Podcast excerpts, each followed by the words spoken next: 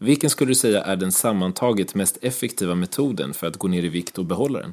Varje metod som gör att man får i sig mindre energi och kan bibehålla det under lång tid är effektiv. Och om man då väljer en bantningsmetod, man väljer 5-2 eller CHF eller paleolitisk eller stenålder eller GIR, vad det är för Det är ointressant. Det ska passa individen för det är bara då som det blir uthålligt i det långa loppet. Och det är uthålligheten som är det som avgör om man på lång sikt ska kunna må bra. I think it's a disgrace that information that was false and fake and never happened got released to the public.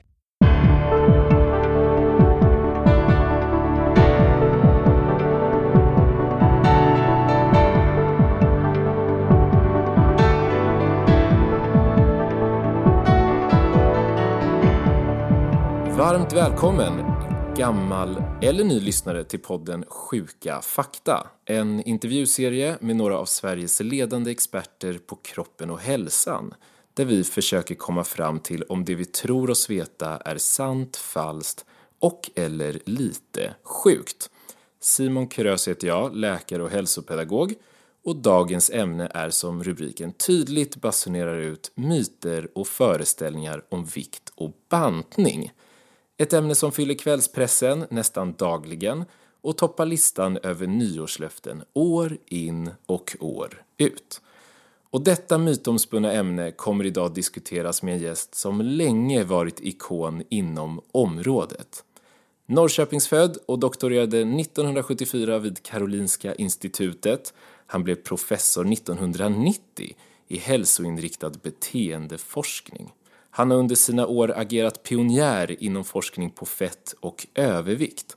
Han grundade överviktsenheten på Karolinska institutet och tidigare ordförande för International Association for the Study of Obesity. Hans forskning kring sambanden mellan kost, livsstil och ätbeteende har lett till förändrade långsiktiga behandlingsprogram för överviktiga i både Sverige och runt om i världen. Han är författare till över 40 böcker på området föreläser för jämnan i hela landet och står bakom över 640 vetenskapliga publikationer som behandlat just kost och hälsa kopplat till vikt och fetma. I media refereras han ofta till som bantningsprofessorn. Ett stort, varmt och kanske långt välkomnande till podden önskar jag Stefan Rössner. Tack, tack. Välkommen hit. Trevligt att vara här. Ja, det är omfattande CV har du bakom dig. Ja, jag är ju så gammal så det har hunnit bli en del med åren. Snabbt bara, överviktsenheten. Vad är det för något? Det var så att jag började egentligen som hjärtdoktor Eh, jag disputerade på en avhandling om vart fett tog vägen i kroppen. Sen började kirurgerna primitivt operera fetma i slutet på 70-talet, början på 80-talet. Man kopplade ur tarmen, det var de första ingreppen. De kirurgerna flyttade sen från Karolinska till Serafen och kvar blev jag som egentligen bara forskade på vart blodfettet tog vägen när tarmen kopplades ur. Och där stod patienterna och ville ha hjälp och kirurgerna hade flyttat och jag var chef för vår dagavdelning. Och man hade mera luft i systemet då. Så att vi började ta in patienterna på min dagavdelning och de var ju väldigt stora och väldigt tunga. Och vi gjorde ju alla fel vi kunde göra. Vi avnavlade inte patienterna. De grät när de skrevs ut efter sex veckor. Eh, vi gav dem enkla råd men lät dem inte jobba på egen hand som man idag lärt sig att göra. Så det var så det började men av detta blev det sen ett utvecklingsprogram som gjorde att vi byggde upp en stor forskningsenhet från början var ju ingen ett dugg intresserad men när man upptäckte i primärvården att det fanns någon som kunde hjälpa deras feta patienter att dra ner på insulinbehovet, att ha mindre blodtrycksbesvär och så vidare, så började vi få remisser. Och sen blev vi dränkta av remisserna när sjukvården uppfattade att vi fanns och när allmänheten visste att det fanns någonstans man kunde vända sig till. Så vårt stora problem blev ju en kapacitetsfråga. Och det var lika synd om de som vägde 120 som de som vägde 150 kilo. Men någonstans var vi på något vis tvungna att dra gränsen. Så att det ledde till att vi kunde hjälpa de allra, allra tyngsta. Och för de mindre tunga sen så utvecklade vi då behandlingsstrategier över nätet med litteratur och böcker och hjälpmedel och resor runt i primärvården för att utbilda. Så att de som vi egentligen i första hand försöker göra någonting för, det är ju de som är svårt sjuka och har allvarliga komplikationer, både fysiska och psykiska, av sin övervikt och sin fetma. Sen finns det en massa annat som spiller över när någon vill gå ner tre kilo till sommardansen. Men det är inte riktigt min sjukvårdsavdelning. Stöter du på mycket myter om bantning? Ja, alla säger ju de här vanliga sakerna när man ska äta på dagen och man blir inte fet av det och det eller det och det är farligt. Egentligen har det ju inte hänt någonting vetenskapligt de sista åren. Vi vet ungefär vad vi visste när jag satte igång. Det är ju bara käka mindre, spring mera som fortfarande gäller. Sen har det kommit kirurgi som är bättre, ganska bra men inte helt bra. Och så börjar komma lite läkemedel. Några är sådär, men inga helt bra. Så att egentligen står vi fortfarande och stampar där jag satte igång för 30-40 år sedan. Ja, det är intressant. Du tar upp flera saker här som vi kommer ta oss igenom i dagens avsnitt. Eh, du nämner kirurgi, läkemedel, det finns ju olika metoder och in och snudda vid vad vetenskapen sa då mot vad man kanske pratar om på stan och i media. För min sista fråga här innan vi går vidare mer allmänt. Varför tror du att viktnedgång och bantning får så stor uppmärksamhet i media och i befolkningen? Det finns ju en föreställning om att man ska vara tjusig i kroppen. Och det gäller ju framförallt de som är välutbildade eh, och yngre och i de högre sociala skikten. Mina tunga patienter det är ju ofta lågutbildade, lägre sociala skikt. Fetma är ju en klassjukdom kan man säga. Och många av mina patienter har ju torftig bakgrund, dåliga kunskaper. Många är invandrare som inte förstår det mest elementära i näringsläran. Jag har ju haft många väldigt tunga invandrarkvinnor som har skött hushållet till make och fem barn och gjort av med ett par liter olja för att fritera i veckan och som inte har en aning om vad som är kalorimässigt mer eller mindre rimligt. Så kunskaper är ju en komponent och många har kunskaper men kan inte tillämpa dem. För att jag menar, mat är gott. Att äta tillsammans hör till våra viktigaste sociala klister. Så att måltiden är ju ett oerhört viktigt element i vår umgänge människor emellan. Och då ska jag plötsligt beröva människor detta nöje genom att införa restriktioner av något slag. Då måste jag ha gott om argument för det. Och hälsa är ett argument. Men om jag hittar en 75-årig dam som är lite rund, som kommer och ångestladdad, så kan inte jag se att hon har så himla mycket att vinna på att avstå från glädjeämnena med maten på gamla dagar för att gå ner tre kilo, vilket kanske inte påverkar hennes hälsa mer än marginellt. Så att man måste liksom hitta rätt knapp att trycka på. Vissa individer måste verkligen gå ner i vikt för att det har allvarliga hälsokonsekvenser. Andra kanske mådde bra om de gick ner i vikt men har svårigheter. Går man ner i vikt ett par kilo kanske lederna gör mindre ont. Och då får man göra ett val eh, hur man vill ha det här i livet. Många blir ju dramatiskt förändrade av viktnedgång. De som har andningsuppehåll och snarkare, det som kallas för sömnapné, forskade vi på. Många av dem kunde slänga sin andningsapparat när de hade gått ner i vikt. De fick ju en dramatisk hälsovinst och det är klart att då förstår man att det är någon poäng med att göra de uppoffringar som viktnedgången innebär. Du är bland de tyngsta namnen i det här fältet, men inte helt okontroversiell i bemärkelsen att det ibland brusar upp en debatt i media, eller i alla fall i kvällspressen, om kost och vikt där du står emot någon som inte håller med dig. Samtidigt vill jag då också förtydliga för alla lyssnare att du har långt många fler studier bakom dig och längre tid i fältet än de flesta av dina meningsmotståndare och det är också därför vi sitter här nu och pratar. Varför tror du att det inte råder konsensus kring dessa heta ämnen? Är vetenskapen inte tydlig? Alltså vetenskapen är ju tydlig men det dyker ju alltid upp flummisar som kanske vinner kortsiktigt på någonting som är väldigt spektakulärt. Det är ju roligare att banta med någon häftig metod som gör att man får äta vad man vill. Det mesta funkar ju kanske väldigt kortsiktigt och jag kommer med det tråkiga, långsiktiga. Det är inte särskilt sexigt och spännande. Men en av mina motaktörer hon skrev i en tidning att jag mördar våra svenska barn med mina kostråd. Hon har nu blivit av med sin legitimation för att hon har kommit med galenskaper. Så att jag har ju liksom stått ut i det långa loppet. Det finns andra som ju säger att jorden är platt och att kolesterol är ofarligt och, och sådana finns ju alltid, men för mig har det bara varit en fråga om uthållighet och baserat på fakta. Och det löjliga är att det här är ju inte konstigt. Energilagarna gäller fortfarande. Men ingen vill ju vara fet. Många kan ju ge tio år av sitt liv eller en arm om de bara klarar viktkontrollen. Men suget, kraften i att få äta för vissa människor är så enormt stor. Det är som en drog. Och de människorna är det synd om. De ska inte förlöjligas eller förnedras. Men de blir förstås väldigt glada om det kommer någon Jocke och kommer med en magisk bullet som gör att man kan fixa alltihopa. Men det finns ju ingen quick fix. Det finns bara det gamla tråkiga och det är fortfarande käka mindre, spring mera i någon form. Det är en väldigt bra övergång för vi ska nu dyka ner i den här världen som influerat allt ifrån böcker och tidningar till debatter och tv-program. Det är ett omfattande ämne så vi kommer idag dela upp det hela i lite olika underrubriker tänkte jag mig. Där vi först tar oss igenom grunderna kring bantning och viktminskning. Sen kommer vi relatera detta till motion, vad vi äter och hur våra gener spelar in. Framåt slutet tänker jag lite som en bonus att vi även ska snudda vid de här kirurgiska ingreppen du var inne på men även temperaturens inverkan på viktförändring, för det har jag sett att det finns en del föreställningar kring. Och för att försäkra oss om att jag kan hålla en röd tråd kring vårt samtal så utgår vi från några vanliga föreställningar som vi i slutet av avsnittet ska reda ut om vi fått svar på.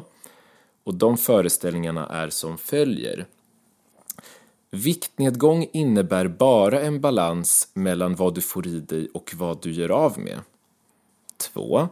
Kortvarig viktnedgång ökar risken för att du landar på en högre vikt efter att du avslutat din bantning än när du började den. 3. Det finns genetisk predisposition, alltså i våra gener bestämt vem som kommer vara överviktig och vem som kommer vara smal. 4. Det är farligare för hälsan att vara överviktig än att vara smal. 5. Man förbränner mer fett och går lättare ner i vikt om man tränar innan frukost än efter frukost. Eh, känner du igen några av dessa föreställningar? Allihopa. Allihopa till och med. Men om vi börjar i en ände för att arbeta mot målet att bättre förstå de här föreställningarna och sen framöver förhoppningsvis själv kunna avgöra vad som är rimligt respektive osannolikt så är det alltid pedagogiskt att börja med grunderna. Och då undrar jag, vad händer i kroppen när vi går ner i vikt? Alltså det heter i fysiken att varje kraft utlöser en motkraft. Och energibalansen det är in med maten och ut med aktiviteten. Och en del heter ju basalmetabolism. Det är ju för de flesta av oss merparten av vår fysiska aktivitet. Basalmetabolism det är vad det kostar att hålla kroppen vid 37 grader att ha hjärta och hjärna och lungor och njurar igång. Det som kroppen förbränner om man ligger alldeles blickstilla i en säng. Det kan man mäta som basalomsättning. Och eftersom de flesta av oss inte är skogshuggare och jobbar tungt, det är väldigt få som idag har tunga jobb, så är basalmetabolismen ungefär 60-70% av våra totala energiutgifter. Så att i vardagslivet så är utgiftssidan det är bara 30% av våra totala energiutgifter. Och den kan vi förstås öka genom att vara fysiskt aktiva. Och vad är skillnaden mellan viktminskning och bantning? Alltså bantning det ordet finns ju bara i Sverige lustigt nog. Det var ju den engelske begravningsentreprenören som hette William Banting som ju skrev en bok om hur han gick ner i vikt. Begreppet bantning finns inte i andra länder. I Danmark heter begreppet avfettning som låter mer som när man servar sin bil. Det låter lite läskigt. Men begreppet bantning är ju för oss förknippat med ett aktivt sätt att gå ner i vikt om man har det behovet. Sen kan man gå ner i vikt av andra skäl. När det gäller viktnedgång som är ofrivillig så gäller det att kolla att det inte ligger inflammationer, tumörer eller någonting annat bakom. Men det är en helt annan sak. Kan man kalla det för svensk uppfinning kanske? En svensk stöld av ett engelskt begrepp. Ja, det, det kanske är mer rättvisande. En av våra stora föreställningar för dagens avsnitt är att viktnedgång kort och gott egentligen är ett resultat av att man gör av med fler kilokalorier än man får i sig. Och du har nämnt nu för din egen del så här i början också det här med att man kan eh, göra skillnad själv på input och output, alltså vad man får i sig i matväg och vad man gör av med i form av rörelse av olika slag. Om du har 100% att fördela, hur stor andel av genomsnittlig viktnedgång kan man säga beror på kostreglering och hur stor andel beror på motion? Motion är alltid bra, men kroppen är en extremt energisnål sparbössa. Så ingen kan motionera sig ner i vikt. Så mycket motion finns bara inte. Man har tittat på unga friska män som kan träna mycket och sett om man kan få ner dem i vikt genom att bara låta dem jobba som 17. Och de går inte ner särskilt mycket. För att varje kraft utlöser en motkraft. Går man ner i vikt så sjunker ämnesomsättningen för att liksom dämpa svängningarna i viktkontrollen. Så det funkar inte. Däremot är ju motion alltid bra av en massa andra skäl. Det sänker blodtrycket, det sänker blodfetterna, det ökar immunförsvaret, det ökar välbefinnandet, det stärker lederna, det bygger upp skelettmuskulaturen. Så motion i alla former, vad man än gör, är alltid väldigt bra. Men merparten av viktnedgången, 100 procent, vi kan inte dela upp i eh, 90-10 eller sånt där, men poängen är att det är energibegränsningen av intaget som ger viktnedgången. Och då är det så, den mest energitäta komponenten i maten, det är ju fettet. Det är 9 kalorier i ett gram fett, det är bara 4 kalorier i ett gram protein eller kolhydrater. Så att om man ska begränsa energiintaget och få ner antalet kalorier man får i sig så är det på fett fettbegränsningen som man uppnår de största effekterna. Och du nämnde ju för en liten stund sedan bara det här med basal metabolism. Mm. Och nu nämnde du att den går ner när man går ner i vikt. Ja. Kan du beskriva den lite, varför det blir så? Ja, alltså kroppen fjädrar ju för att motverka varje förändring kan man säga. Så går man ner i vikt så kommer kroppen att säga aha, det här är inte bra. Och då sjunker liksom behoven. Sen har man nått jämvikt mellan intag och utgifter fast på en lägre nivå. Man har ju försökt att motverka nedgången. Ett tag så gav man ju sköldkörtelhormon. Sköldkörteln reglerar kroppens ämnesomsättning. Om man har struma med underfunktion så går man upp i vikt och har dålig ämnesomsättning.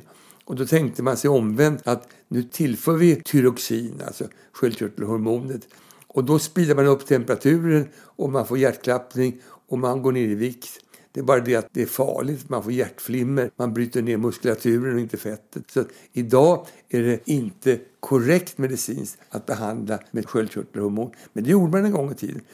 Sen har man ju tittat på om det finns naturliga substanser i maten som man skulle kunna använda för att få fart på ämnesomsättningen.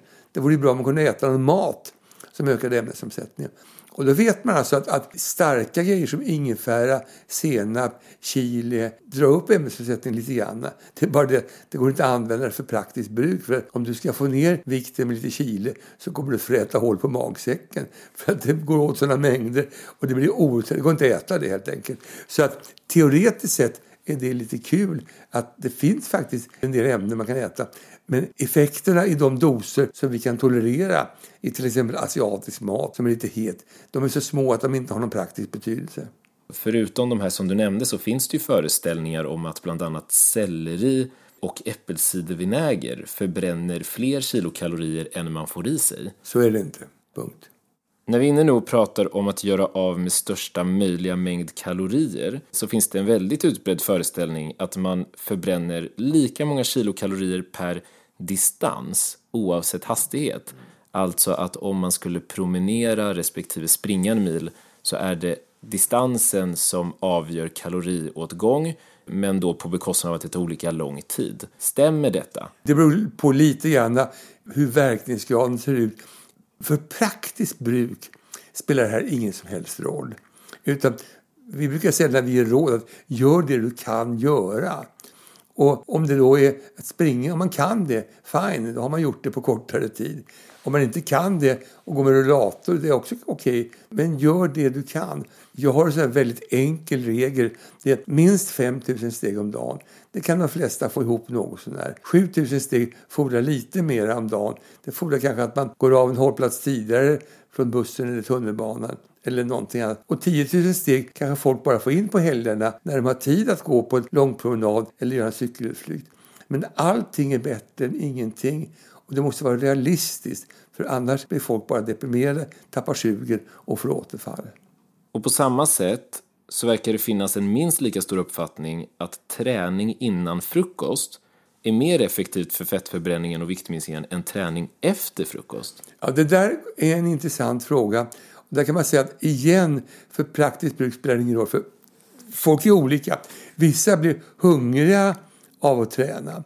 Då är det ingen bra att träna före frukosten för då äter man mera. Andra blir mätta av att träna.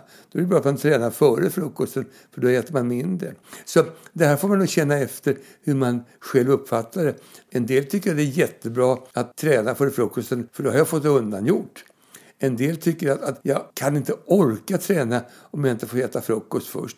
En del mår ju inte bra av att springa efter frukost därför de har en klump i magen och tycker det är svårt att komma igång. Så att lite grann får man känna efter själv och några dramatiska råd som säger att ajabaja, inte göra så eller göra så, de, de, de finns inte. Utan den praktiska konsekvensen är känna efter själv, bara det blir av. Ett nyårslöfte som kanske är lika vanligt som löftet att börja träna mer eller sluta röka är att man ska gå ner i vikt. Ändå verkar det som att det för många är väldigt svårt att gå ner i vikt till att börja med och kanske ännu svårare att behålla den lägre vikten. Nu är det ringklockan i bakgrunden, men den, den klarar vi oss med, den får ingå. Varför tycker folk att det är så? Att vara hungrig är inget kul. Äter man bara proteinkost och drar igen på 600 kalorier efter tre dagar så börjar kroppen bilda sådana här ketonkroppar, alltså sura produkter. Och de är aptitdämpande. Efter två, tre dagar som är jobbiga, är man inte hungrig sen. Och då är det lätt att fortsätta. Det är jättetråkigt, men det, det går. De flesta kan minska 600 kalorier om dagen utan större bekymmer. 600 kalorier om dagen det är en liten lunch, eller en mellanstor lunch. Säg att någon eh, som är hyggligt aktiv förbränner mellan 2500 och 3000 kalorier om dagen. Tar man bort 600 kalorier då, det kan man göra utan att det känns vidrigt. Då blir det mindre smör på mackan och en macka mindre. Det blir ingen sås till köttbullarna. Man kan skära av hörnen lite här och där och spara in det. Det gäller att göra små förändringar som man kan stå ut med. Vi brukar säga gör en grej i taget så att den sitter. Använd inte smör om du har bredbart pålägg. Eh, gå ner i fetthalt i mejeriprodukter. Eh, använd teflonpannor för att, att steka utan att det går åt något fett och så vidare. Alltså små, små förändringar. Och de kan göra utan att det märks särskilt mycket i vardagen. Och alla bäckar små räknas ju på något vis. Och sen gäller det då att få de här nya vanorna att sätta sig. Men som du säger, många återfaller ju därför att kroppen slår tillbaka. Vi har det som kallas för en ponderostat. En termostat håller temperaturen på en given nivå. En ponderostat som vi har i kroppen håller vikten på en given nivå. Och har vi skaffat oss en viss kroppsvikt så kommer ju kroppen att försvara den. Och det innebär också att även när vi går upp i vikt så försöker kroppen ju försvara det tidigare tillståndet och få ner oss. Det är bara att tyvärr är den kraften mycket svagare än det motsatta. När vi går ner i vikt så försöker kroppen säga ifrån och ta oss tillbaka till ursprunget. Så vi kämpar en uppförsbacke hela tiden. Forskningen visar ju att ju längre man har hållit på, ju längre man har stått ut, desto lättare är det att få den här ponderostaten att permanent ställa om sig så att man kan ligga på en bra nivå konstant utan att det känns som en stor uppoffring. Är det det, tänker jag då spontant, som är bakgrunden till det här som har refererat till som jojobantning? Ja, jojobantning har ju diskuterats. Det fanns en del data som sa att går man upp och ner, upp och ner, upp och ner så ökar det till och med dödligheten i komplikationer. Och en del sa att, att det här är inte på det viset. Mycket av det som handlar om jojobantning och effekterna på kroppen, det är gjort på försöksdjur. Men det har alltså varit motstridande uppfattningar när det gäller humanforskning, vad som egentligen händer. Vi vill ju helst att den som går ner i vikt ska göra det på ett sådant sätt att man håller vikten i fortsättningen. Och därför ska man ju aldrig sätta igång med ett viktminskningsprogram om man inte har tid. Ingen klarar av att byta jobb, och byta fru, och byta bil och byta bostad och gå ner 20 kilo vikt. Det är liksom för mycket på hårddisken. Och jag har haft många patienter som kommer desperata och vill gå ner i vikt till varje pris. Och så diskuterar vi livssituationen och då säger jag, hördu, fixa det här med skilsmässan, fixa det här med nya jobbet, fixa det här med, med flytten och kom tillbaka sen. Det som kanske, och det är man nog överens om, är olämpligt det är ju att jojobantning innebär ju ett upprepat misslyckande. Det är ju psykiskt störande att nu har jag inte klarat det den här gången heller. Nu skiter jag alltihopa, det går ändå åt skogen. Och det kan hända att jojobantningens stora negativa effekter är att det underminerar uthållighetstanken så att man tappar sugen. Och det är därför som jag säger att bestämma sig för att gå ner i vikt ska det vara liksom sista gången som man gör det och sen ska man kunna ligga på en lägre vikt och inte gå upp sen igen. Men det är lättare sagt än gjort för många återfaller ju. För det finns ju en uppfattning om att så här snabb viktnedgång och då kopplat till jojobantningen skulle resultera i att man när man stabiliseras åter skulle vara högre än ursprungsvikten. Ja. Ämnesomsättningen går ner med en procent om året från det vi är 20 år gamla. Så vi blir ju mer och mer energisparbössor i populationen, i befolkningen, så går ju medelvikten upp ifrån 20 års ålder till pension med ungefär 3 kilo per decennium. Det, det är biologi. Det är ju få som säger att jag väger lika mycket som när jag tog studenten eller gjorde lumpen. De flesta går upp i snitt. Det beror på att ämnesomsättningen går ner. Så om man har gått ner ett antal kilo och sen går upp igen så kanske man hamnar på den vikten där man borde ha legat därför att tiden har gått helt enkelt. Vikten skulle ha gått upp med tiden i alla fall. För det var en av mina frågor, men den har du besvarat redan, att man faktiskt går ner i ämnesomsättning med ålder, alltså stigande ålder. Men det finns också en uppfattning att man vid en viss given ålder säger att där så gick jag ner i ämnesomsättning och plötsligt började jag lägga på mig massa överskottsfett när jag tidigare kunnat äta vad som helst ungefär. Det är nog inte så, utan det är nog så att undan för undan kryper ämnesomsättningen ner. Det har man tittat på och det är egentligen ingenting som talar för detta. Så att det är kanske mera ändrar livstidsförhållanden, psykologiska faktorer som gör att man upplever att nu är jag i en ny fas här i livet eller vad det nu är för någonting. Och sen kan det också vara så att den som har varit van vid att leva på ett visst sätt, motionera, börjar få ålderskrämpor och det är inte lika lätt att gå ut och röra på sig. Då förlorar man så att säga en utgiftssida. Även om den är liten så har den ändå hjälpt till lite grann. Och då säger det poff och så åker vikten upp en skjuts. Så man kan i alla fall säga att de som lyssnar som är någonstans i 20, 30, 40, kanske 50-årsåldern som tänker att det någon gång tidigare i livet fanns en punkt då man plötsligt slutade förbränna fett och la på sig kanske snarare ska se det till livsstilsförändring mer än genetisk ja. broms. Alltså tittar man på viktutvecklingen över tid på populationsnivå så är det så att medelvikten går upp ifrån 20-årsåldern fram till 65-årsåldern i snitt 3 kilo per decennium. Några går inte upp alls, en del går upp väldigt mycket mer. Och sen går medelvikten i befolkningen ner efter 65 års ålder. Och då undrar man vad det beror på. Och då finns det tre förklaringar till detta. Det ena är ju att när man mäter på en befolkning så har de feta dött undan i sina komplikationer. Sin diabetes, sina hjärt-kärlsjukdomar och så vidare. Så de är liksom borta ur statistiken. Det andra är ju att vi får sarkopeni. Alltså vi bryter ner muskulaturen på gamla dagar. Det är också biologi. Vågen skiljer ju inte på ben och fett och muskler. Vågen mäter ju bara hela gubben eller gumman. Och det betyder alltså att tappar vi muskelmassa, det gör vi. Alltså gamlingar blir tunna i muskulaturen. Sen förlorar vi också hydreringsgraden i kroppen, alltså fuktigheten i huden. Det är därför vi blir skrynkliga på den gamla dagar. Så vi förlorar både muskelmassa, sarkopeni och vi förlorar vätska i kroppen i övrigt och blir skrynkliga. Och som sagt var, vågen skiljer inte på varifrån de här förlusterna sker. Bara det att medelvikten i befolkningen går ner på gamla dagar. Bra förtydligat. En av våra eh, huvudföreställningar för dagen är att det skulle vara farligare att vara överviktig än att vara smal. Sant eller falskt? Ja, alltså, det är ingen tvekan om att, att fetma är en av vår tids stora riskfaktorer. Direkt och indirekt. Fetma är kopplat i sin tur till hjärt-kärlsjukdomar, diabetes, en massa cancerformer. Alltså, det är lätt att förstå att koloncancer i tarmen till exempel är kopplat till att man sätter i sig mera produkter som är toxiska, giftiga för cellerna där. Man kan också förstå att prostatacancer och cancer i äggstockarna är hormonberoende och fettet är ju en stor körtel. Fettväven är vår största hormonellt aktiva körtel som producerar en jävla massa hormoner, manliga och kvinnliga, som ju kan vara tumörprovocerande. Det kan man förstå, men melanom är vanligare hos feta. Hjärntumör är vanligare hos feta. Och det förstår man inte. Covid nu som är aktuellt visar sig ju att det har ju mer dramatiska effekter hos feta individer. De far väldigt mycket mer illa. Äldre med grav övervikt är ju de stora offren i covid-epidemin. Och det kan bero på att inflammation beskriver många som en lågvirulent, en pyrande inflammation i kroppen som så att säga, skadar våra försvarssystem. Om man då späder på det med det här viruset så är sårbarheten väldigt mycket större.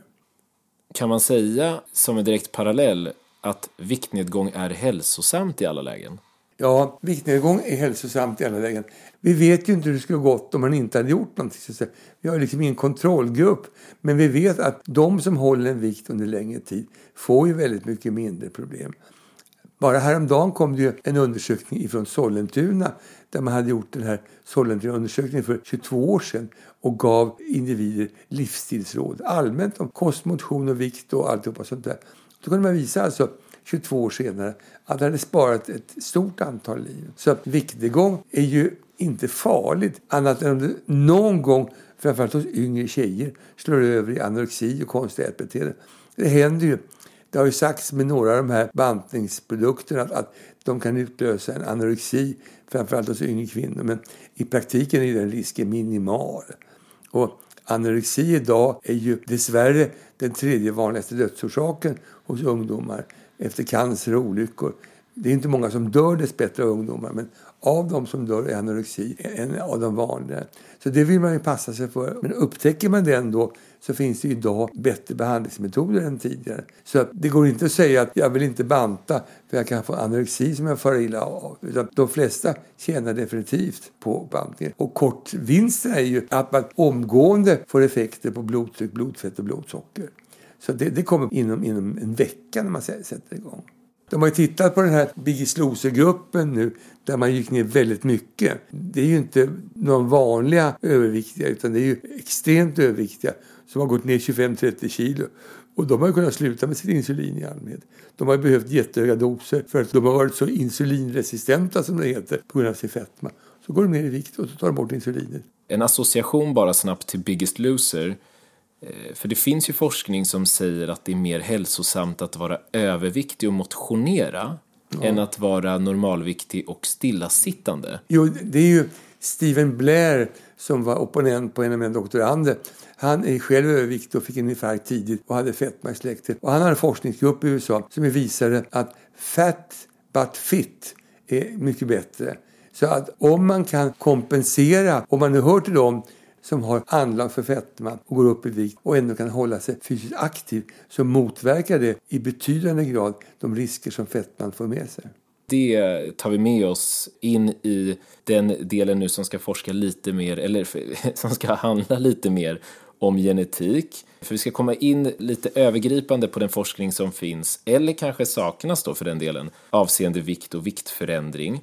Och eh, bara för att ta ett kontemporärt exempel så finns det en studie från Cambridge som eh, kom ut 2019 som undersökte flera tusen individers DNA, alltså arvsmassa, och menar att man hittat flertalet gener som bidrar till om du kommer vara smal eller mm. överviktig. Och en utbredd upplevelse är att vissa kan äta vad som helst utan att lägga på sig vikt medan andra inte ens kan titta på en bakelse utan att det blir svårt att få på sig byxorna. Vad säger den samlade forskningen kring detta idag? Och är det ett genetiskt lotteri om vi blir smala eller överviktiga? Ja, det är ett lotteri. Det är en bra beskrivning. Man brukar säga att 50 procent av det som förklarar vår kroppsvikt är gener och 50 procent är miljön. Och tar man bort maten så blir allihopa smala. De experimenten kan man bara göra på djur.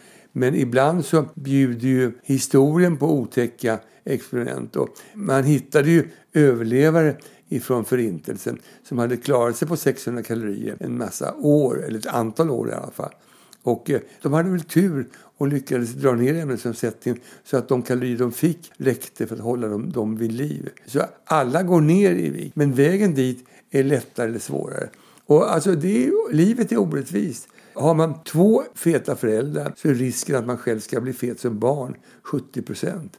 Har man ingen fet förälder är risken att man ska bli fet som vuxen bara 10 procent. Så visst är det ett lotteri och föräldrarna kan vi liksom inte välja. Så att generna kan vi inte påverka. Och problemet som i den artikel du, du nämner, är ju att anlagen sitter inte på ett enda ställe utan de är spridda kors och tvärs i arvsmassan. Och det gör att vi kan aldrig manipulera en gen så att vi med ett klipp kan fixa till det här. Och det gör att vi kommer aldrig att kunna genmanipulera det här på något enkelt sätt. Nej, för då nämnde du ju att risken är ju högre för övervikt i vuxen ålder om man har två överviktiga föräldrar. Mm. Och då undrar jag först och främst om man är ett föräldrapar som är orolig för att barnet, oavsett om man själv är överviktig eller inte, skulle utveckla barnfetma. Hur ska man tänka? Hur ska man resonera då om man inte vill hamna där? Det finns ju inga magiska knep. Man ska ju inte banta små barn. Men det handlar om att ge barnen goda matvanor från början och se till att barnen är aktiva. Alltså, barn är ju spontant aktiva. De har ju rätt mycket möjligheter att förbränna. Och vad gör vi när ungarna hamnar i skolan? Då säger fröken, sitt stilla i bänken, håll käften. Så vi har ju byggt en miljö redan tidigt där vi inte bejakar aktiviteter. Det finns ett projekt i Skåne där man har infört aktivitet för barnen. Där alla barn och lärare ett par gånger om dagen går en slinga. Och då visar det sig att de barnen har bättre resultat i matte och förståelse och allt och sånt där. Så att det finns forskning som visar att aktivitet hos barn tidigt har hälsoeffekter. Sen handlar det om vad man ska ge barnen för mat. Det är klart att om man då är förvärvsarbetande, bägge två som man är, och har ont om tid och sånt där, så är det lätt att förfalla till att köpa snabbmat som idag kan vara hur bra som helst. Men det är klart att det är enklare och mindre gnäll om man ger ungarna hamburgare på en fritt för då blir det inget snack. Ingenting säger att barnen ska dricka läsk till maten. Och ju bredare kostrepertoar man kan skicka ut sina barn i vuxenlivet med, desto bättre är det ju. Alltså igen, fetma är ju en klassjukdom. Är man lågutbildad, har man dålig ekonomi så gör man dåliga lösningar. Ibland kommer folk säga jag har inte råd att äta smalmat. Och det är bullshit. Men man måste kunna någonting. Har man inga kunskap väljer man de enkla dåliga lösningarna. Det här är ju också en social historia. Lever man i en miljö där det inte finns något socialt tryck på att vara elegant då får inte ungarna de signalerna heller. Förr fanns det ju någon tjockis i klassen som det hette. Idag är alltså 15-20 procent av barn överviktiga. Och igen, alltså, vi har ju tagit bort rörligheten. Det går inte att cykla till skolan om trafiken är i vägen. Så att en del av långsiktiga fetmastrategier det handlar om cykelbanor. Det låter ju löjligt men alltså, om man kan cykla till jobbet så är det ett sätt att både för barn och vuxna öka energiutgifterna. Hiss behöver man inte använda, gå i trapporna istället. Någon sa att om man låter rulltrapporna gå väldigt, väldigt långsamt så går folk i trapporna istället för att ingen har tålamod att stå och vänta i rulltrapporna. det kanske är en taktik framöver att sänka hastigheten på dem. Ja. Stämmer det att man kan bli fet av fett? Alltså fett är gott, det är det som är problemet. Fett löser ju aromämnena i maten i oljan, i smöret, så löser sig kryddor och annat som gör att det smakar gott. Och därför är det väldigt lätt att lösa sina problem som kock genom att ha i extra fett i såsen eller soppan eller vad det nu är för någonting. Proteinrik mat mättar bättre. Om jag käkar protein så drar det upp ämnesomsättningen lite grann. Det var vi inne på, på tidigare. Dels ger det mättnadseffekter, dels drar det upp ämnesomsättningen lite grann. Det gör inte fettet och inte kolhydraterna heller.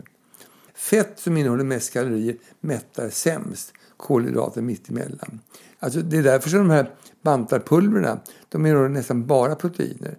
För att då kan man äta ett par hundra kalorier i en sån där påse eller shake eller sådär, och känna sig mätt därför att man fått i sig proteiner. Om man bara äter fett så får man dålig mättnad. Stoppsignalerna slår inte till lika tidigt. Så att det tar ett tag tills man märker att man har käkat någonting och då har man ätit för mycket. Kopplat till mat här då. Finns det någon koppling till att lägga på sig mer vikt om man äter sent om kvällarna strax innan sänggång än om man inte gör det? Det där har också diskuterats, fördelningen. Och några talar i den riktningen. Men alltså, de skillnader som finns är inte särskilt stora. Det kom några artikel här sist där man sa att man ska inte äta till sex på kvällen. Men det här är ju ett vidare perspektiv hur man ska spacea sina måltider för dagen.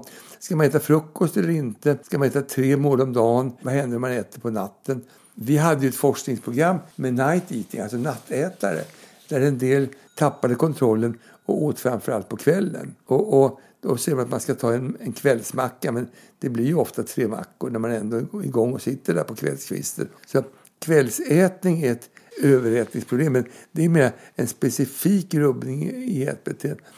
Om man sen äter tre mål om dagen eller sju mål om dagen, man har forskat på det och tagit en given energimängd och så har man gjort antingen tre måltider, frukost, lunch, middag eller exakt lika många kalorier och gjort sju mål av det. Och då hittar man inga effekter på vikt eller blodtryck eller blodfett eller någonting sånt där. Och när det gäller frukosten man säger, frukosten är dagens viktigaste mål. Då finns det en del data som visar att barn räknar bättre i skolan om de har ätit frukost och är mindre busiga om har ätit frukost. Och man har också studier som visar att det händer färre arbetsplatsolyckor på ställen där jobbarna får frukost. Men så finns det andra studier som säger att, att det är marginella skillnader. Alltså. Vi kan inte dra någon slutsats om att man ska lägga upp matintag under ett särskilt system över dygnet i alla fall. Alltså, det är ju också kulturellt betingat. Vi äter ju frukost, lunch och middag. Kommer man till vissa länder, Spanien, får man nästan ingen frukost. Då får man en kopp, kopp kaffe och en brioche på, på morgonen. Och sen äter man rätt stor lunch och så siesta som det var förut. Och så äter man middag klockan nio på kvällen. Hade kvällsätningen varit farligt då hade Spanien varit en utraderad nation och det är den ju bevisligen inte. Och kommer du till länder som, som Centraleuropa till exempel då är det stora målet mitt på dagen. Kommer du till Prag och äter lunch då, eller mittagsessen i Tyskland, det är mitt på dagen, mittag. Då får du ju soppa och kött och sås och potatis och en efterrätt. Och så får du bara macka på kvällen. Så uppenbarligen har olika kulturer utvecklat helt olika måltidsordning och val över dagen. Och det har ju bevisligen gått ganska bra. Vi har ju också kopplat till mat här ett stort kapitel i den här viktminskningsvärlden som handlar om bantningsmetoder. Några av de vanligaste som många har hört talas om är bland annat då stenåldersdieten, medelhavsdieten, vi har Atkins, periodisk fasta, 5-2-metoden som är en typ av periodisk fasta, ketodiet och så vidare och så vidare. Några av dessa går ut på att justera mängden mat och andra justerar typ av mat. Exempel på typer av födoämnen som ofta utesluts är ju då, som tidigare nämnt, fett och kolhydrater. Och när man utesluter kolhydrater, det är en lång prolog till den här föreställningen, men när man utesluter kolhydrater så finns det en uppfattning att man snabbt kan uppnå tidig viktminskning men att det beror på enbart vätskeförlust. Stämmer det? Det visar sig att om man tittar på hur länge folk i allmänhet har följt de här dieterna så är medeluthålligheten, det handlar om några veckor. Det intressanta är igen, vad händer på lång sikt? Det är ju det enda som är viktigt. Om det går lite fortare med det ena eller det andra på tre veckor, det är inte särskilt intressant i långa loppet. Och då finns det några bra studier där man under tre års tid faktiskt jämfört ett antal olika metoder. Då kan man säga att det är precis egalt vad man än väljer. Och det är som du säger att med högfettkost och lågkolhydratkost har man uppnått betydande viktminskningar i början. Men efter ett par år så är det inga skillnader längre. Och problemet med högfettkosten och det är svårt att visa det därför det tar ju decennier till att veta om vi bombarderar våra kärl med högt fettinnehåll, kolesterol och triglycerider. Vad händer med hjärtinfarkterna då? Och högt blodtryck? Och då säger man att det är ingenting som har hänt. Vi har inte sett någonting. Nej, men studien håller bara på några månader. För att se inlagring i kärlväggen behövs det kanske 10 eller 20 år. Och det finns ju ingen forskare som har pengar eller ork eller resurser eller kapacitet för att göra sådana studier på 20 år. Så att det, där vet vi inte, men bara tror att. Och då kan man liksom göra det som man vill. Tycker man det känns bra att köra med 5-2 och hålla igen två dagar i veckan, okej. Okay. En del säger okej, okay, det kan vara inkörsporten till anorexi, men den är nog ganska liten. Den, den risken. Tycker man att man vill äta stenålderskost, vilket ju är väldigt lite fett och framförallt väldigt lite raffinerade kolhydrater, rätt mycket kött då, kan man göra det. Då får man inga grönsaker bladgrönsaker, för det fanns inte på stenåldern. Då får man bara rötter och, och, och sånt. Och inga efterrätter, för ingen socker, men honung. Det går ju också bra. Så det gäller att var och en funderar på vad passar mig bäst och vad kan jag stå ut med i långa loppet. Och då är det tillbaka till det här med långsiktigheten. Jag kan få mina patienter att käka konstiga dieter i ett antal veckor. Men det är efter tre år som man vill veta vad de har valt för någonting. Och då visar den här undersökningen att, att det spelar ingen större roll. Det är ju väldigt intressant. Mm. Finns det någon av dessa som är direkt skadlig för kroppen? Ja, frågan är ju högfettkosten som ju skrevs ju väldigt mycket LCHF på sin tid som ju gav bättre viktnedgång akut. Det, det var nog inte ifrågasatt. Eh, men i det långa loppet, och det vet vi inte ännu för att det här måste man mäta på 15-20 års tid. Och så länge har vi inte haft forskning kring det här. Det borde kunna komma nu om ett par år men det finns ingen som står ut med den här kostnaden heller. Jag menar, äta biff och bearnaise på måndag är jättebra. Och biff och bearnaise på tisdag är helt okej. Okay. Och biff och bearnaise på onsdag det går ganska bra. Och biff och bearnaise på torsdag det är sådär. Va? Och biff och bearnaise på fredag, glöm det. Och så såg ju Atkins-dieten ut till exempel. Protein och, och, fett. Så att många av de här kostnaderna är i praktiken självbegränsande. Och så återfaller folk då. Och så blir de deppiga för att de klarar inte av det här. Och så gör de dåliga val och så överäter de i desperation. Och så är de tillbaka på ruta ett. Så ser det ofta ut. Jag förstår. Ehm, på nätet, och du var också inne på det här med olika läkemedel som du till och med har testat. Det finns ju bantningspiller och bantningste och bantningskräm och diverse. Och alla lovar ju då såklart, som namnen antyder, en genväg till viktnedgång. Finns det någon av dessa produkter på marknaden som man har sett fungerar? Alltså, man får inte skära alla de här över en kam. För en del är ju rena bluffgrejer, de här teerna och allt vad det är för någonting. Och de här kapslarna som de stoppar in vad som helst i. Och så har man ofta i då någon produkt som ofta inte är godkänd eller till och med potentiellt giftig. Proteinpulverna nu, de var ju tidigare kritiserade för att man hade på 70-talet en proteindiet som hette The Last Chance Diet som var flytande protein. Det ansågs vara väldigt bra. Och den killen, Dr. Lin, som lanserade det där han glömde att läsa på ordentligt så att det saknades några aminosyror som behövdes för att använda slakteriavfall. Och då dog det 70-80 pers i den där dieten. Och det gjorde att de här proteindieterna de hamnade klart i vanrykte. Idag är de här proteinprodukterna helt okej. Okay. Så om man kör med Nutrilett eller Cambridge eller Optifast eller Modifast allt vad det nu heter för någonting. De är säkra. Så de ger mättnad för mycket protein och det är ju en korttidslösning för att komma igång på ett bra sätt. Så de är inte farliga men de löser ju inte problemen om de inte efterföljs av någonting annat. Och vi jobbade väldigt mycket med det här för då kom ju de här snabba resultaten som gjorde att folk blev pigga, glada, slutade med insulin och sånt där. Men sen måste man ju ha, den dag man slutar med de här pulverna, en långtidsstrategi. Så att den dagen när pulverna tar slut, det är då man ska ha lärt sig hur man ska laga vanligt käk på ett bra sätt. Sen finns det ju då ett antal läskiga grejer man smetar på. Det är bara båg alltihopa. Det finns ingen salva som man kan smeta på låren som smälter bort det. Och så finns det då kinesiska örter och annat. Och de har man tittat väldigt noga på. Det finns inga effekter på dem överhuvudtaget. Akupunktur, ingen effekt överhuvudtaget. Svårt att ta sig igenom en sån här snårig skog ju. Ja, alltså grundprincipen är ju bara att ge fan i skogen för det är ingenting att gå in i. Nej, det håller vi oss utanför på det. Det är bara att hålla sig utanför. Nej, men vi har ju några läkemedel som man kan få på recept. Och har man då BMI över 35 så får man dem rabatterade och sånt. De fungerar och de är rätt säkra. Och de är hyggliga. Halvbra, kvartsbra. De kostar en tusenlapp i månaden. Men för någon som kanske vill bryta ett dåligt mönster och tycker det är bra så är de okej. Okay. De är väl utprovade. Men de finns på apotek.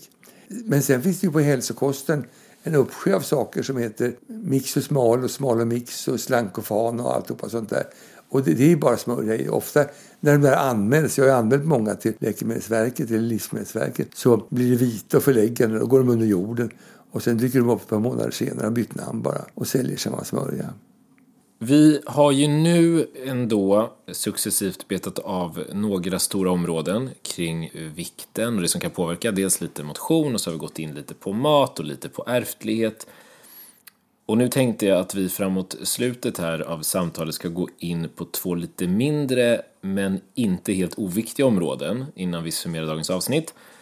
Och dessa kategorier är kirurgi, alltså operationer, och temperatur. Om vi börjar med kirurgi så finns det ingrepp som har till avsikt att resultera i viktminskning. Exempel på sådana ingrepp går under beteckningarna gastric bypass och gastric sleeve. Kan du berätta lite om dessa operationer översiktligt och hur väl fungerar dessa för att gå ner i vikt? Från början gjorde man rätt primitiva fetmaoperationer och kopplade ur tunntarmen. Det blev väldigt mycket diarréer och annat Och det har man slutat med helt och hållet. Så när det finns vanrykte om fetmakirurgi så beror det lite på att de här gamla dåliga metoderna fortfarande finns i bakhuvudet. Men dagens metoder är alltså väldigt, väldigt effektiva. För gjorde man gastric banding. Då klämde man bara av magsäcken med ett snöre mitt på och slog liksom en knut på med bara en liten springa. Nu gör man gastric bypass som är mer tekniskt avancerad. Och så kan man göra sleeve som innebär att man egentligen tar bort stora delar av magsäcken. Så det är bara en trång passage ifrån matstrupen ner i tunntarmen. Och sen har de här effekter, dels går det inte att käka något fort. En macka tar 20 minuter, för äter man fortare så kräks man upp den. Och det andra är att det sen påverkar de här hormonerna i, i tunntarmen som ska reglera aptiten, som signalerar matsignalen. Så att många av de här är mätta, många kan inte äta så mycket, många klarar det jättebra, supernöjda. En del går ner i vikt, skaffar sig partners, blir gravida, kommer tillbaka till jobbet, får massvis med bra effekter när det gäller blodtryck och hälsa, insulin och vad du vill för någonting. Andra är inte lika glada. Några får vikarierande missbruk, går ner så mycket i vikt att de plötsligt börjar dricka istället. För det blev inte som man hade tänkt sig. Så att det finns en del bieffekter av kirurgin tjejer som efter att alla blivit uppbjudna på dansbanan plötsligt får en ny häftig kropp som de går ut och använder och kanske far illa för att de blir promiskuösa. Sånt har beskrivits så att säga. Så det finns bieffekter. Men fetmakirurgin har ju kommit för att stanna. Landstingen var inte intresserade från början för de tyckte att det här skulle folk fixa på egen hand. Men det gjorde de ju inte. Och eh, nu har kirurgerna fått så bra metoder så att man ligger bara kvar på sjukhus någon dag eller ett par kanske. Förut åkte man ju till utlandet, till USA och någonting annat. Där de har ju cowboykirurgi. Där köper man en fetmaoperation som man köper en, en ny begagnad bil. Ingen koll på någonting. Men det här är alltså inget hokus pokus utan det är enormt väl vetenskapligt dokumenterat. För den som lyssnar och eh, kanske till och med överväger det här som ja, ett av flera alternativ i viktminskningsönskan. Vad finns det för risker med en sån här operation? En del går ner för mycket därför att operationen blir för effektiv. Och då kan de ju få brister på vitaminer, mineraler och spårämnen. Man måste ju tillsätta en del vitaminer, B12 till exempel och en del andra elektrolyter och annat. Men det här finns ju rutiner för och det är inte komplicerat. Det finns så att säga en kokbok där man säger att, att ta in de här patienterna på koll en gång per år vad det är för någonting. Bestäm dem och de proverna, kolla det och det. Sen mår ju några illa av operationen. Och några har ju fått rupturer och sårkomplikationer och sånt där. Men idag är tekniken så säker alltså att det här är inte konstigare än en vanlig galloperation. Och det är kirurgerna väldigt tydliga med att säga. Plus att någonting kan ju gå snett som gör att man måste omoperera. Det var väldigt bra och informativ, koncis del om eh, viktminskningskirurgi. Det sista området för idag som kopplar an till viktförändring är temperatur. Ja. Många kanske vet att man gör av med fler kilokalorier om man fryser än om man inte fryser. Och i ett eh, tidigare samtal som jag hade med Carl-Johan Sundberg om träning så berättade han i förbifarten att man även förbränner en hel del kilokalorier när man svettas. Och jag har några avslutande föreställningar som jag skulle vilja ta med dig. Kan man gå ner i vikt genom att svettas? Sundberg är ju en duktig forskare som säkert mäter det i laboratoriet. Men om det har någon betydelse för folket på stan, det är jag tveksam till. De här tjocka patienterna som jag jobbar med, de svettas ju alltid för de, de bär på så många kilo. Och de, de är ju kladdiga och svettiga och det är ett av deras stora problem. De är svettiga i hudvecken på magen, de är kladdiga i armhålorna för de är så stora, tunga och otympliga. Så de svettas nog bara av att, att gå runt på stan så att säga. Den andra biten som du är inne på om kyla det har ju diskuterats om man skulle kunna använda kyla som teknik och det har inte funkat. Det är så plågsamt att gå kroniskt i låg temperatur. Så att en del har ju lärt sig det där och en del är ju mer eller mindre köldtåliga. Eskimoerna sitter ju där, även om de påpälsar, och klarar det här. Vi gör ju inte det, utan får vi konstig temperatur så, så mår vi väldigt, väldigt dåligt. Så att temperatur är ingenting som är intressant i den här svängen. Okej. Okay. För jag fick faktiskt igår höra om en metod som kallas för body wrap som vissa tar till, vilken innebär att man plastar in exempelvis då magen i det här fallet i syfte att förbränna mer över det inplastade området ja. med hjälp av stigande temperatur. Vad säger forskningen om detta? Nej, men det där har ju liksom diskuterat. Man kan ta frågan i ett vidare perspektiv. Så kan man selektivt bli av med det ena eller det andra? Och så funkar det inte. Utan det är lite grann som på arbetsmarknaden. Va? Det är sist in, först ut. Man kan inte styra i vilken del förbränningen ska ske. Utan i den takt som man lagrar på sig fettet så kommer det försvinna. Kvinnor lagrar upp fettet på bröst, stjärt och lår. Och sen när de har lagt på sig 30 liter fett ungefär på, i de depåerna, då får de kulmage också. Männen lagar ju primärt upp fettet på kulmagen. Så att när jag tittar på mina jättetjocka män bakifrån i korridoren så kan inte jag se att de ska till min avdelning. Men när jag ser min profil så har de en jättekagge i profil. Men de har smala stjärtar. Men kvinnorna däremot har breda laggårdsdörrar där bak. Så fettfördelningen hos män och kvinnor är totalt olika. Okej, så att fördelningen är olika och man kan alltså inte punktförbränna Nej. fett? Nej, alltså man har ju tittat länge på brunt fett till exempel. Det finns en väldigt framstående forskningsgrupp på Stockholms universitet som i decennier har jobbat med brunt fett. För brunt fett är extremt aktivt ämnesomsättningsmässigt. Och brunt fett har spädbarn eh, längs revbenen och stora kroppspulsådern. Om man kunde hitta ett läkemedel som fick fram det där skulle man kunna använda en stimulanssubstans som heter beta-3-agonister som är en, en, stimulerande faktor. Och det här, om man tittar på, på djur till exempel. Djuren klarar ju att vistas ute på vintern. Och många för att de har brunt fett. Antingen kan man flytta brunt fett eller ta ut fett från någon, låta det växa till i prover, stoppa in det igen. Eller hitta ett läkemedel som gör brunt fett. Det är massvis med tankar man skulle kunna göra för att få fram det där. Ingenting har funkat. Inget har funkat. Så den, den lösningen återstår för framtiden. Ja. Jag förstår. Vi börjar nå slutet på dagens avsnitt. Men lite snabbt då, för den som lyssnar och kanske önskar gå ner i vikt men som eh, inte tillhör din eh, vanliga patientgrupp. Har du tips på vad man bör tänka på när man ska välja viktminskningsmetod? Jag tycker att man ska fundera på vad man skulle kunna avstå ifrån, äta mindre av.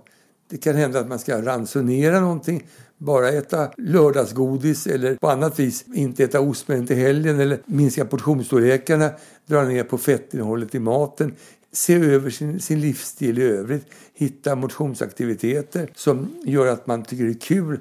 Det är bara motion som blir av som spelar någon roll. Inte ha för bråttom och så välja en tidpunkt när man kan koncentrera sig på det här. Som jag sa, man kan inte ändra på alla saker i livet på en gång och tro att man orkar med att dessutom gå ner 10 kilo. Det grejar ingen. Utan små förändringar under lång tid.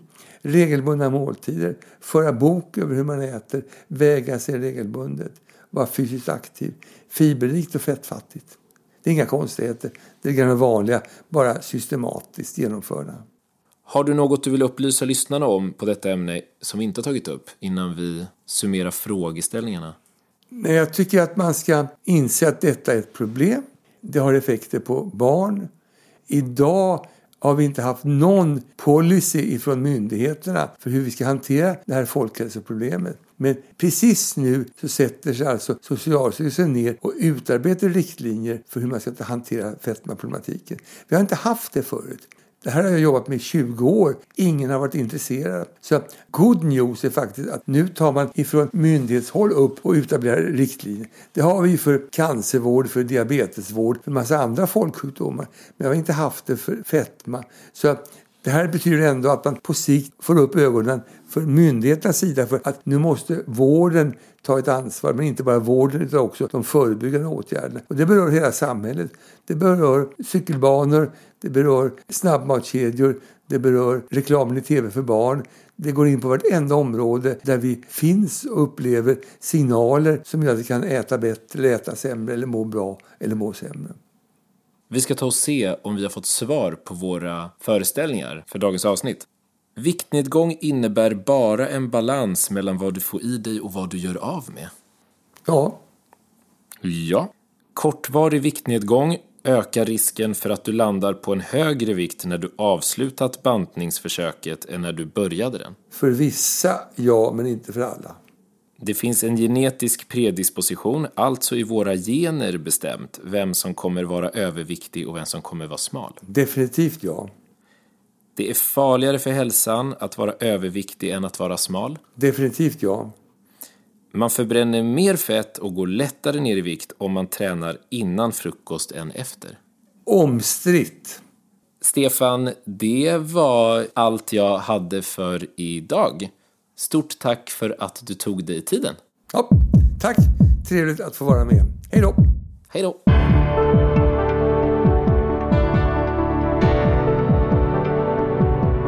Stort tack för att du gav mig och framför allt professor emeritus Stefan Rössner din uppmärksamhet i detta avsnitt om viktminskning. Varje tisdag i ett par veckor framöver kommer nu nya ämnen kastas ut med nya gäster och nya myter. Och i varje outro kommer nästa veckas ämne avslöjas och denna säsong ska förhoppningsvis genomgående präglas av högre ljudkvalitet och tur är väl ändå att saker utvecklas. För frågor, kommentarer eller idéer är du välkommen att höra av dig via vårt Instagramkonto Sjuka Fakta Podcast eller via vår mejl kontakt sjukafakta.se. Nästa vecka bjuder vi in docent Karin Pettersson för att gå igenom allt du velat veta om graviditet. Kan man se på magen om det är en flicka eller pojke? Kan man få igång sparkar med kallt vatten? Och när blir det egentligen farligt att göra ultraljud? Om detta och mycket mer får vi lära oss nästa vecka. Men tills dess, må gott, ät med måtta och tro inte på allt du hör.